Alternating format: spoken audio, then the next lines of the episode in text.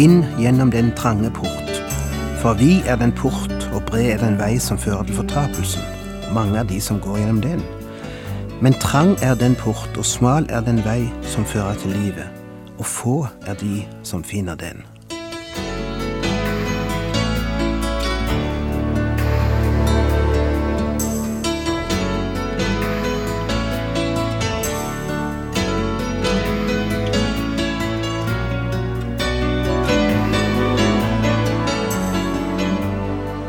Hjertelig velkommen til et nytt program i serien Vindu mot livet. Vindu mot livet er basert på programserien Insight for Living ved Chuck Svindal. Programmet er produsert av Kristen Riksradio og blir ledet av Ola Joland.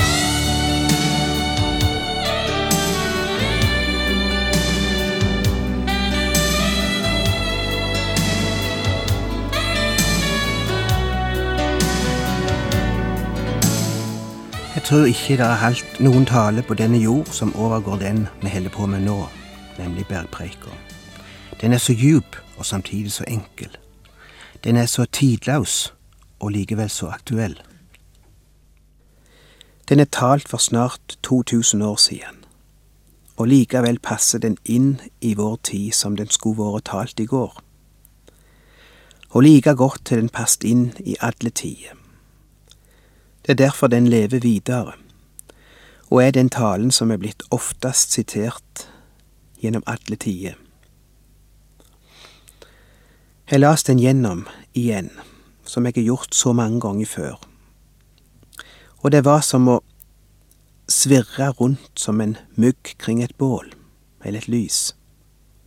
Du vet, myggene tiltrekkes av lys, men etter hvert som jeg kom nærmere lyset, ble jeg varm og kjente at det brant. Lyset som tiltrakk meg, brant meg når jeg kom nær. Og slik er det med denne talen. Sannheten brenner når du slipper den inn på deg. Den rusker opp i livet ditt. Den får deg til å se ting på en ny måte, og snu hverdagen din opp ned. Den får deg til å se at de ting du er opptatt av i livet og i hverdagen, egentlig teller så lite og de ting du ikke er så veldig my mye opptatt av, er de ting som ofte teller. Derfor er det så alvorlig, men samtidig så godt, å komme tilbake til slike evige ord, som setter ting på hodet, men som samtidig setter ting inn i et rett perspektiv. Ord som er bestått gjennom alle århundrene og alle generasjonene, og forandrer samfunn og menneskeliv og familie, fordi det setter livet inn i et nytt og rett perspektiv. La oss sjå litt på livet, slik det arter seg for folk flest i vår tid, i forhold til det liv Bergpreika tegner for oss. Jeg fant en artikkel i et eh, amerikansk magasin som hadde tittelen Hverdag i Amerika. Den gir oss noen eksempel som viser hvordan livet er i vår verden i dag, iallfall for mange mennesker. Hver dag i Amerika flytter 108 000 mennesker til et nytt hjem. 18 000 flytter til en annen stat hver dag.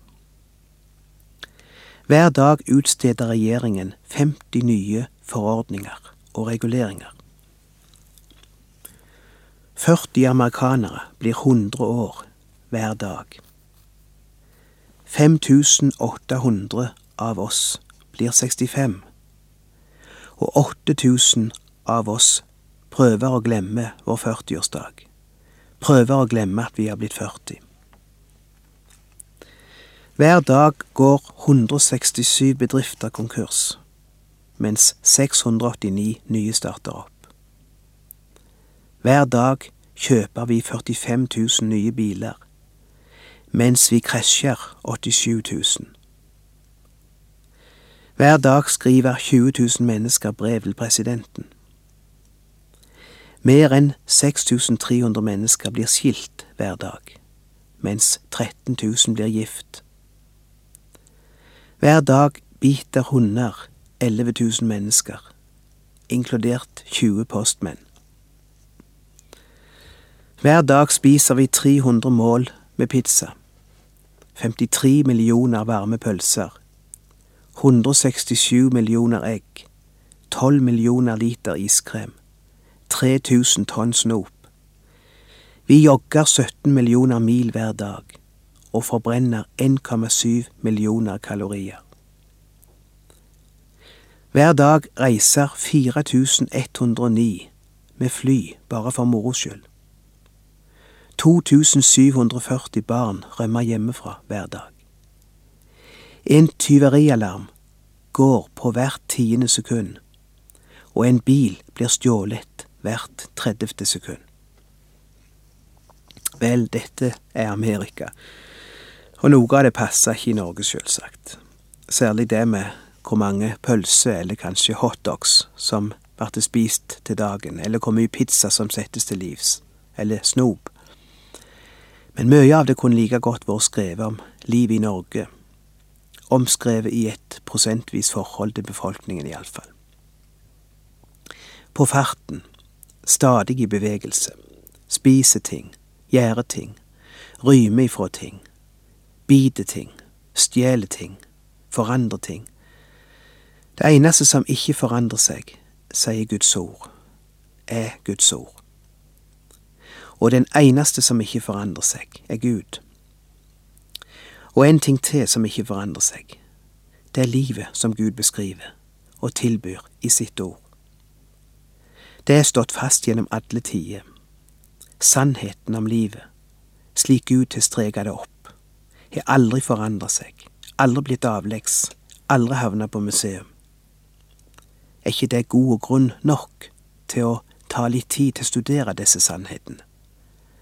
Kanskje de har noe å si til meg òg, i dag, eller til deg. Det er disse sannhetene Jesus gir oss her i Bergpreika, sannheter om livet, og det livet han vil gi mennesker. Og vi har sett på noen av disse sannhetene. La oss ta et raskt resymé av det vi har sett på. Et hovedtema i kapittel fem var Ut med hykleriet, av med maska. Et ord til mennesket som lever bak maska. Og jeg lurer på hvem av oss som ikke gjør det, til tider iallfall. Inn med sannheten, ærligheten, omsorgen, fredsbyggingen, renheten, rettferdigheten, barmhjertigheten. Vær lys og salt i verden. Vær annerledes. Lys for mennesker og vær som salt i maten, salt på jorda, som setter smak på den og hindre den ifra å gå opp i forråtnelse. Det er kapittel fem. Så kommer til kapittel seks, og Jesus fortsetter. Bort med alt skuespill. Bort med religiøs show for å gjøre inntrykk på folk, for å ta seg godt ut. Ikke blås i trompeten når du gjør noe, for at folk skal sjå hva du gjør. Ikke stå på torget når du ber, og bruke et fromt og endeløst vokabular for at folk skal sjå hvor from du er. Gå inn i ditt rom og lukk døra. Der kan du be. Ikke gjør deg til i ansiktet når du faster, eller kle deg i sekk og aske og sjå ut som du er skamslått. Ikke gjør deg til for folk, eller for deg sjøl, eller for Gud. Og når det gjelder livet, ikke lev i panikk, i frykt og angst, i stress og mas. Stol på Gud. Lev hans liv, så skal han leve med deg i livet. Det er kapittel seks. Og så kommer det kapittel sju, og det første som møter dere der, er døm ikke. Hvorfor er du så opptatt med å plukke fliser ut av din brors øye, når du sjøl går rundt med en tømmerstokk i ditt eie, som du ikke har begynt å høvle bort engang? Bjelken i ditt eie øye er så enorm at du vil ha mer enn nok å gjøre med å fjerne den.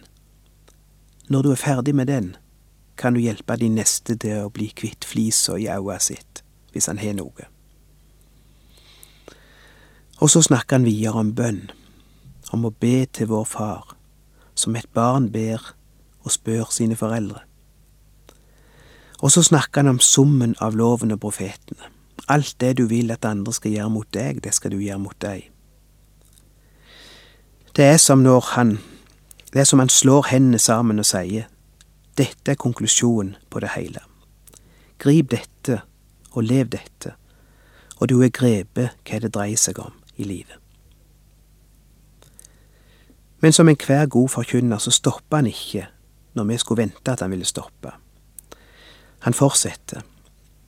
Jeg har en følelse av at Jesus ruller sammen bokrullene som han har undervist ifra, legger de til sides og ser disiplene inn i øynene og lener seg forover og sier, Og nå, la meg vise dere hva alt dette betyr. Slutt med undervisningen, slutt med teorien, nå skal dette stoffet anvendes. De trenger ikke mer teori, mer sannhet. Det de trenger nå, er å anvende disse sannhetene, og gjøre etter det de har hørt. Og for vers 13 og uttalen sin begynner han å gå de skikkelig inn på livet, og sier, la oss anvende disse ordene på områder som det kanskje ikke er tenkt at de har noe å si. Jeg elsker å drive med bibelundervisning, det har jeg gjort så lenge jeg husker. Men jeg liker ikke å stoppe med undervisningsdelen. Jeg liker å konkludere med la oss se hvordan dette kan anvendes. La oss se hvordan vi kan gå ut og leve dette. Gjør det som vi har snakket om nå. For jeg føler det er det som er det store problemet i dag. Iallfall har det vært det i den tradisjonen og i det miljøet jeg vokste opp. Vi var proppfulle av undervisning, av kunnskap, av bibelske sannheter. Men det var ikke så mye hjelp vi fikk når det gjaldt å leve det vi hadde lært. Derfor var det interessant å finne ut her at Jesus ikke stoppet med teorien, og han vil ikke at de som hører på han skal trekke den konklusjon at de trenger å gå hjem og foreta noen få justeringer i livet, enkelte småting som må rettes på, enkelte ytre justeringer som må til. Nei, det er ikke ytre justeringer som må til. Det er akkurat det som ikke må til. For Jesus går like inn til hjertet, like til innsida av cellene, og sier det er der det er noe galt. Det er der det trenges forandring. Ikke bare en ytterforandring. Ikke en ny maske. Ikke nye ord. Ikke et nytt utseende. Men en virkelig indre forandring, som òg skaper et nytt liv i det ytre. Og det er radikalt det han sier nå. Hør på det. Det er ikke snakk om å ta på seg en ny trøye, eller et annet ansiktsuttrykk, eller å gi noe flere kroner, kroner til julemessa. Hør. Gå inn gjennom den trange port, for vi er den port, og bred er den vei som fører til fortapelsen, og mange er de som går gjennom den. Men trang er den port, og smal er den vei som fører til livet, og få er de som finner den. Han gir oss fire par av alternativet. To og to og to og to. Aldri mer enn to muligheter. Vi elsker en tredje mulighet. Vi hater slike enten-eller. Og jeg vet ikke om du har lagt merke til det i det siste, at folk som har et klart enten-eller i sin livsfilosofi, blir ikke populære. Var derfor de hata Jesus og til korset. De vil ikke vite av noe slik. For du kan ikke stå der og si at det bare finnes to alternativ. Nei, det passet ikke på den tida, og det passer ikke i dag. Vi vil ha flere alternativ men Gud gir oss bare to. To porter, sier Jesus, en trang og en vid. To veier, en smal og en brei. To slags mennesker, de som går på den smale vei, og de som går på den breie.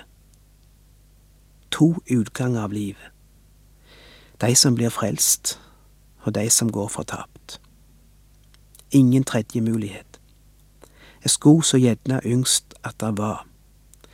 Jeg skulle så gjerne funnet et eller annet skriftsted som jeg kunne hengt meg på og sagt her er ting i Skriften som tyder på at det er en tredje gruppe, en tredje vei, en tredje mulighet.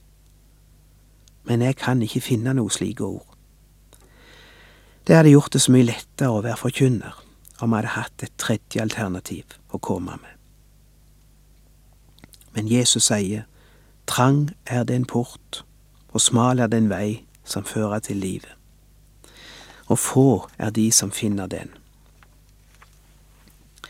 Og ja, visst er den smal, den veien, og visst er den trang, og den porten. Men det betyr ikke at det er trangt hos Gud. Det betyr ikke at Gud er smalsporet. Det har aldri vært trangt hos Gud. Der er det rom for alle. Det er vi som har gjort det trangt. Det er ikke Gud som har bygd en port så trang som mulig for at færrest mulig skulle slippe igjennom. Det er slik noen tenker om Gud. Men saken er den alle kan komme gjennom der. Gud har gjort den vid nok til at alle kan slippe gjennom. Han har sjøl åpna veien og betalt for vår synd og gjort alt ferdig. Han har gjort alt og sender ut innbydelsen til alle. Kom, for alt er ferdig. Da må ikke vi si at han har gjort det vanskelig, at det er trangt hos Gud. Men mennesker er ikke villige til å komme på slike betingelser. De er ikke villige til å komme til en plass der alt er ferdig. De er ikke villige til å la Han sette betingelsene for hvordan en kommer til Gud, og hvordan en lever. Menneska vil bygge sin egen vei og gå på den. Det er det som kalles den breie vei. Nå må vi bare ikke gjøre som mange mennesker, at de syns jo veien er smal nok, så de prøver å gjøre den smalere enn den er. Og noen syns ikke at porten heller er trang nok, så de prøver å gjøre den trangere. Enten for seg sjøl eller for andre. Helst for andre.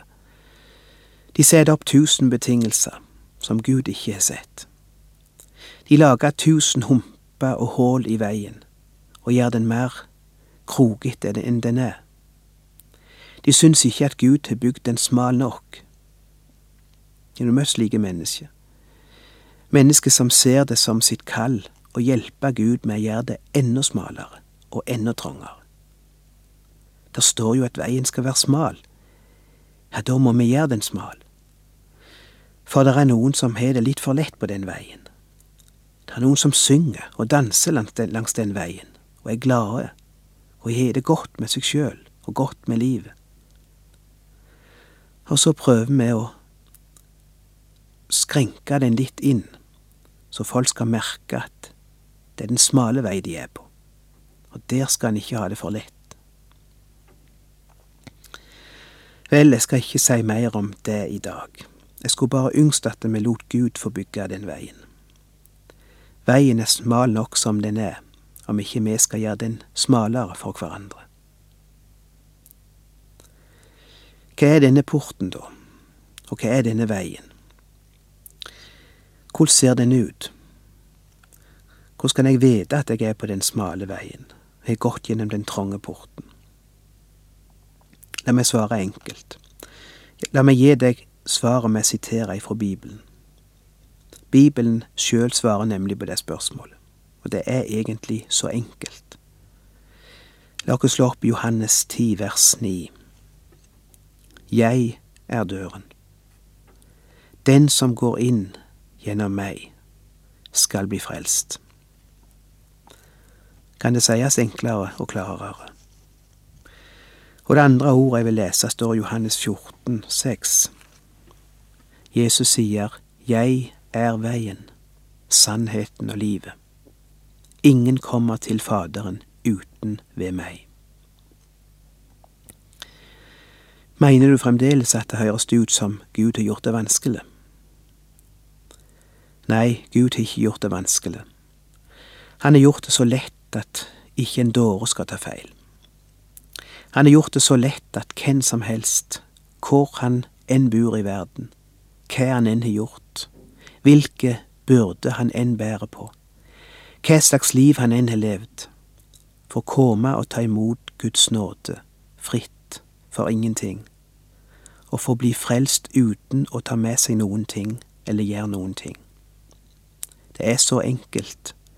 Det er bare å ta imot det Han har gjort, og tro på Han som har levd for meg og dødd for meg. Det er den trange porten. Det er den smale veien. Trong blir den kalt, ikke fordi den er vanskelig å komme gjennom, for den som kommer til Han, men fordi det er så få mennesker som vil komme på slike betingelser. Ser du hva som gjør at den kalles trong? Det er ikke Gud som er trong, det er vi som er trange. I boka Pilegrims vandring kan vi lese hvordan kristen er på vei til den trange port.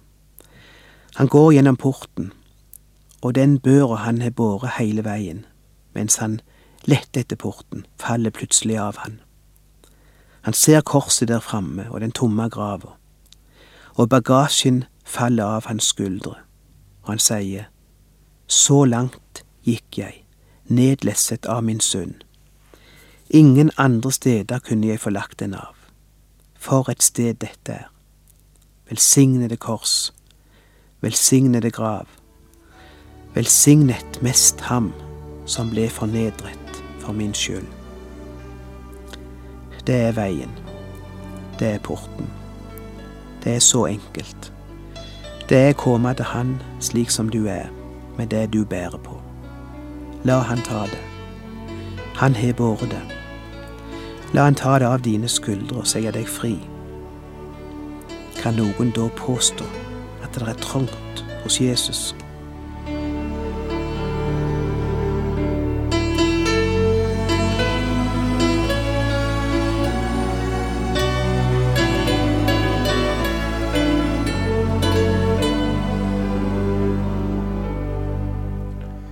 Du har lytta til Ola Bjoland i serien 'Bindu mot livet' fra Kristen Riksradios arkiv.